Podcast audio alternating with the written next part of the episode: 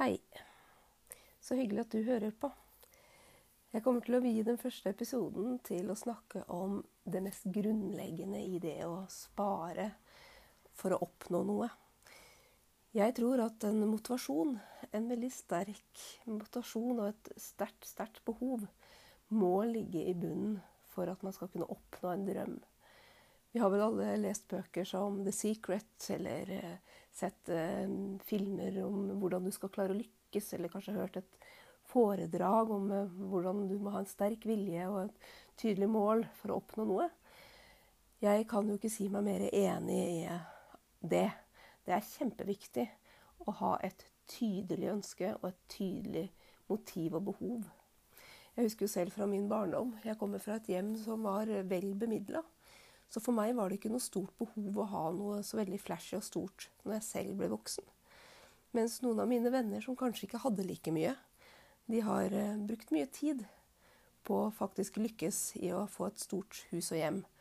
Kanskje flashy båter og biler og alt annet som måtte finnes der ute til å føle suksess og mestring.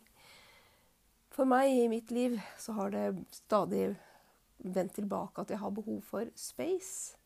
Jeg har behov for å ha det stort rundt meg, ha luft, ha vinduer, lys inn. Og ha privatliv og ha tumleplass.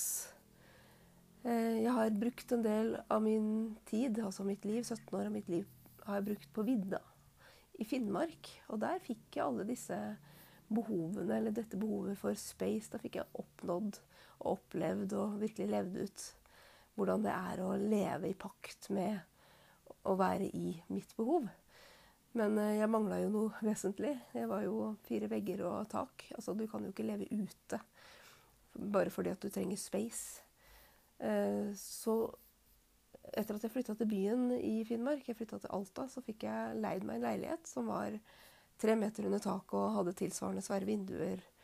Balkong med utsikt utover Altafjorden og Komsa. og byen jeg kunne se i alle himmelretninger. Der fant jeg virkelig fred. Men det var jo en leilighet som kosta skjorta som jeg aldri kunne ha kjøpt selv. Men takket være en brukbar lønn, så hadde jeg råd til å leie. Etter at jeg flytta fra Finnmark, som jeg bodde i 17 år, så flytta jeg hjem til Fredrikstad. Her er boligsituasjonen ganske en annen enn den jeg møtte der oppe. I Finnmark var det ikke like mange på visning, for å si det mildt. Mens alle visninger jeg var på i Fredrikstad, der var det tjukt med folk. Og det var gjerne folk med flere unger som fikk de boligene som jeg var skodd for å kunne by på. Jeg endte opp etter hvert i en blokkleilighet som er 87 eh, kvadrat pluss innglassa veranda. Med utsikt over Fredrikstadmarka på Rollsøy. Jeg har det kjempefint. Her bor jeg og min lille datter på snart fem år. Sønnen min på 17 han bor i Kautokeino og har all den spacen han trenger i reindrifta. Men her hjemme så er det altså oss. Eh, vi bor i en helt standard blokk fra slutten av 60-tallet. Som er nyrenovert i røranlegget med flott nytt bad, flott kjøkken. Altså alt er helt bra her, men det er uansett Det er en blokk. Jeg bor i en oppgang med ja, vi er fire etasjer med tre leiligheter per etasje. Veldig hyggelige folk. Men det, det, blir ikke det samme som å ha et hus og ha privatliv. Og ha en egen hage. Ha en hammock. Ha en liten veranda. Et blomsterbed eller kanskje et tre i hagen som jeg kan sovne på en pute under på en varm sommerdag. Altså, det her er viktig for meg. Det er viktig for min sjel og min ro og trygghet her i livet. Det å kunne ha noe eget som bare er mitt, det savner jeg. Jeg fikk den følelsen når jeg rusla rundt på Finnmarksvidda. I det jeg sto og gikk i. Jeg har aldri vært noe fancy. Jeg har alltid bare hatt behov for de enkle tingene. Det er ikke så nøye. Bare jeg har ro har det trygt og godt rundt meg, så har jeg det veldig bra. Så mitt behov oppi det her, det er å få meg et eget hus med en hage. Jeg vil ha en hage rundt huset mitt. Og jeg vil ha privatliv. Jeg vil ha utsikt. Og jeg vil ha noe som er såpass nytt at jeg slipper å bruke masse tid og energi på oppussing. For å nå dette viktige målet, viktige behovet mitt, så har jeg snakka med en økonomisk rådgiver i, i Balanse regnskap. Ei venninne fra min andre arbeidsplass som er Sats. Hun heter Marianne Munch. Som bare sa ganske enkelt Liv, du må tenke og gjøre noe som får bordet til å fange.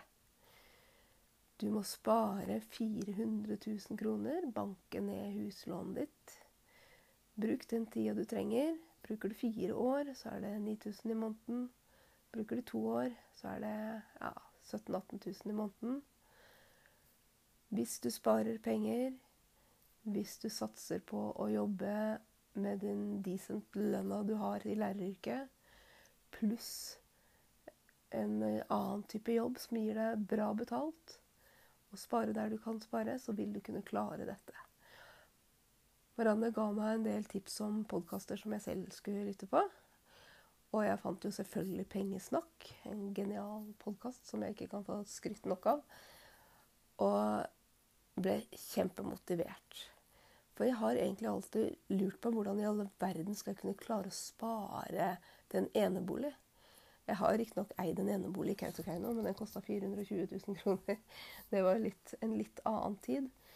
Men hvordan skal jeg kunne klare med min lærerlønn, som jeg jo har Jeg skal kunne klare å forsvarlig kjøpe en enebolig og kunne bo der uten å gå personlig konkurs.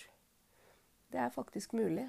Eh, i dag så betaler jeg ca. 13 000 kroner i måneden på fellesutgifter og leilighet og lån.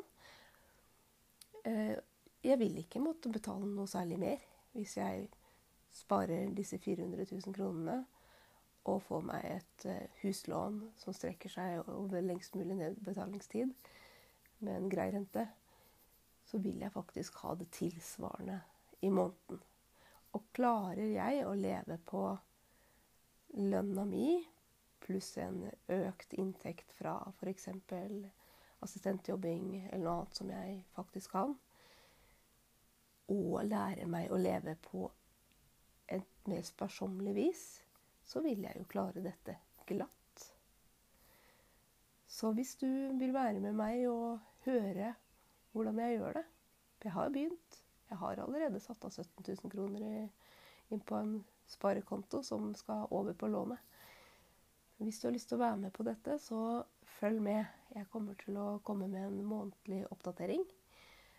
Den første podkasten, eh, podkastepisoden som heter Behov, den kom i starten av juli 2020. I begynnelsen av august så følger jeg opp med høstens mål og sparetiltak. Jeg håper jeg har deg med meg. Og du må gjerne gi meg noen tilbakemeldinger. Jeg har en Instagram-konto som heter Liv Slåtte. Følg meg gjerne der.